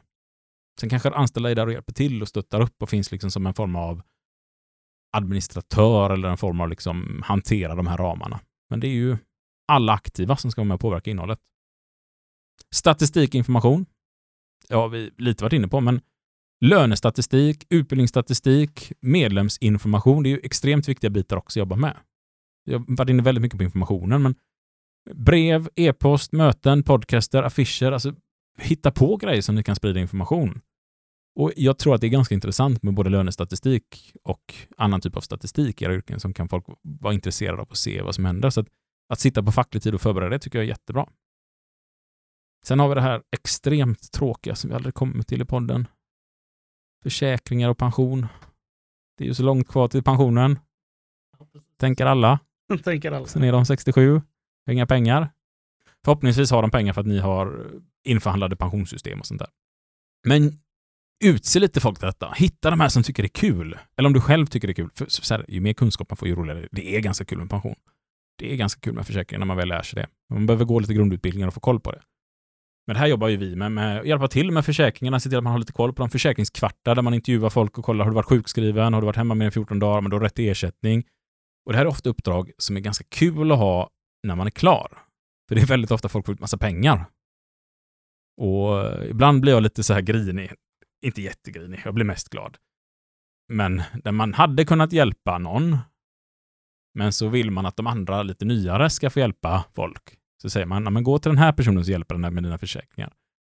Och så får de en sån jättedyr gåva sen. Någon dyr rom eller något sådär liksom. Så sitter man där och bara, "Ah, det här kunde jag ha gjort och behållit. Liksom, här? Men vi får aldrig bli så egoistiska att vi, vi väljer den här dyra rommen framför fackföreningens bästa och kamraternas bästa. Förhoppningsvis så har ni kollegor som bjuder på den här goda rommen, Andrew. det får vi hoppas. Kanske även Jim vill ha sig en liten Jag tar också gärna en Andrew. Andrew. Hör du det nu? Men eh, skämt åsido, det finns eh, jävligt mycket som vi kan eh, lä- lära ut och hjälpa till med de här eh, ärendena. Och sista, kanske tyngsta sån här fliken, facklig tid har vi skrivit? Frågetecken. Hur fan organiserar vi allt det här då? Det är ju rätt mycket vi har gått igenom idag och då kan jag säga här, vi har nog glömt hälften av allt vi själva gör. Säkert. Och vi gör inte allt. Nej, precis. Hur mycket facklig tid ska man ta ut? Det som behövs är väl eh, så vi, vi- får uttrycka. Ja men så säger ju lagen. Ja, Och vad är det då? det vet vi inte innan. Det är väldigt svårt. Ja, men har, alltså bara av det här skötandet av liksom en normal facklig verksamhet. Så, så någonting som vi brukar slänga ur oss lite här och där, det finns ju inget officiellt på det här, liksom, men en heltidstjänst per hundra medlemmar ungefär. Det är väl någon form av rimlig, liksom sådär, en och en halv säger vissa. Det beror väldigt mycket på också inom olika förbund och hur man är organiserad. Och så. Det, det finns reglerat i avtal eh, på många tjänstemannaavtal vet jag. Och det betyder inte att en person ska jobba heltid, utan det kanske är tio personer som jobbar 10 procent. Det är mycket klokare än att sätta en person på heltid, att man är med och hjälps åt. Men man får också tänka på, liksom, ja, men jobbar vi olika skift, ja, men då behövs det läggas upp på ett helt annat sätt. Jobbar vi på olika anläggningar som du och jag har, vi får ju åka runt. Vad har du längst ifrån dig? Är det lokala verksamhet? Eh, ja, men det är nere i Varberg i det lokala. Och det är ändå några mil från Göteborg. Ja, det är nio mil hemifrån mig. Ja, så att, och det är ingenting för de som bor uppe i norr här kanske. Vi, jag var nyligen uppe i Luleå och besökte våran lokala klubb för Luleåverksamheten där. Eller Umeåklubben. Nej, jag kan inte det här. Det Luleå var du. Ändå var jag där. Ja, men jag var i Luleå eh, och tänkte att så här, ja, men de hade ju bara åkt dit från, från Luleå. Eller från Umeå. Men det, det var ett par mil däremellan. Mm. Ja, jag, jag tänkte så här, men 30 kanske något. svänga förbi svärfar som är i Kiruna just nu. Men det... ja, det var inte så bara att svänga förbi Nej, va? det- Man lär sig lite om Sverige även om man har bott där i ett gäng år. Va? Gud vad ignoranta vi är här nere. Ja, Ja. det är det verkligen. Men eh, värre är det i Malmö. Vi måste dela upp styrelsen. Ja. Utse förtroendevalda, ta ut den fackliga som behövs. Och det är också så här, hur mycket fel gör företaget? Ja, men gör de fel varje dag, men då krävs det mycket, mycket mer än en och en halv per hundra medlemmar. Då kommer det kanske krävas tio personer som jobbar heltid på tio medlemmar om det är tillräckligt mycket brott eh, de gör hela tiden. Va? Eh, det kan vi väl se just nu så pågår det en strejk i vårt avtalsområde. Sen brukar inte vi hänga ut namn på de här eftersom avsnitten ligger ute ganska länge. Och det kanske är som så att det här bolaget har tecknat ett avtal nu och kommer börja sköta sig. Liksom. Men det är klart att men då går hela personalen ut i strejk och det är en form av fackligt arbete som alla gör. För att de känner att men det här funkar inte. Vi måste kunna leva upp till svensk standard. Så att det det är omöjligt att svara på liksom hur mycket facklig tid, men någonstans mellan tumme och pekfinger en, en blåsig dag. En och en halv, en heltidstjänst per hundra medlemmar. Och så fördelar ni ut den på ett antal individer, så hjälps man åt. Och utse kanske en styrelse, lite ombud runt omkring och sådär. Är man nu ensam på sin arbetsplats, men då får man väl göra det bästa situationen och då tycker jag man ska lägga fokus på en enda sak och det är organisering. Tills man blir fler. Superviktigt. Organisering, organisering, organisering. Och hur många av medlemmarna borde ha gått en facklig utbildning på arbetsplatsen? Alla. Då har ni en riktlinje också. Varenda en. Ja, och Till och med de som inte är medlemmar borde gått en introkurs på något sätt och i Ja. alla fall känna till det då. absolut. Så har ni också det som riktlinje. Är du där? Eh, Nej, Nej, inte jag heller. långt ifrån ska jag säga. Så, Men, så ni eh, behöver inte känna er dåliga om ni inte nej. lyckats få iväg alla kollegor på facklig utbildning. Men eh, jag tycker att det kanske ska vara huvudsaken, huvud liksom målet, att alla ska ha kunskap. Jag ska förhandla in att om vi spelar upp podden där konstant i någon högtalare i verkstaden så så alla får gå lite facklig kurs hela tiden. Då är de bra trötta på dig och mig sen. Och det är säkert Ja. lyssnarna också nu efter en timme och 24 minuter. Ja, men då får vi nog ta en runda av va? Vi hade ambitionen att hålla ner detta på en timma. Det lyckades vi inte riktigt med. Men Nej. en, under en och en halv timme i alla fall i en crash course i vad gör man som facklig. Det får vi ändå säga är ganska bra. Det är acceptabelt. Vi har ju missat mycket också, säk- säkerligen. Med all säkerhet. Och en av annan åsikt tycker det är kast och värdelöst, så tji fick ni som lyssnar en och en halv timme på oss. Det vill inte göra om. Ja, hör inte av er i alla fall. Nej, gör inte det. Men ni som är nöjda och tycker det är bra, fuckyoupodcast.gmail.com. Där kan ni mejla oss, eh, dels om vad ni tycker om avsnitten. Vi tar jättegärna in det så vi får lite input. Det var ganska tyst den här e-postkalendern. För ett halvår sedan, ett år sedan, så kom det hur mycket mejl som helst. Jag tänkte att nu får vi stänga av den här mejladressen, för det är ingen som hinner svara på allt.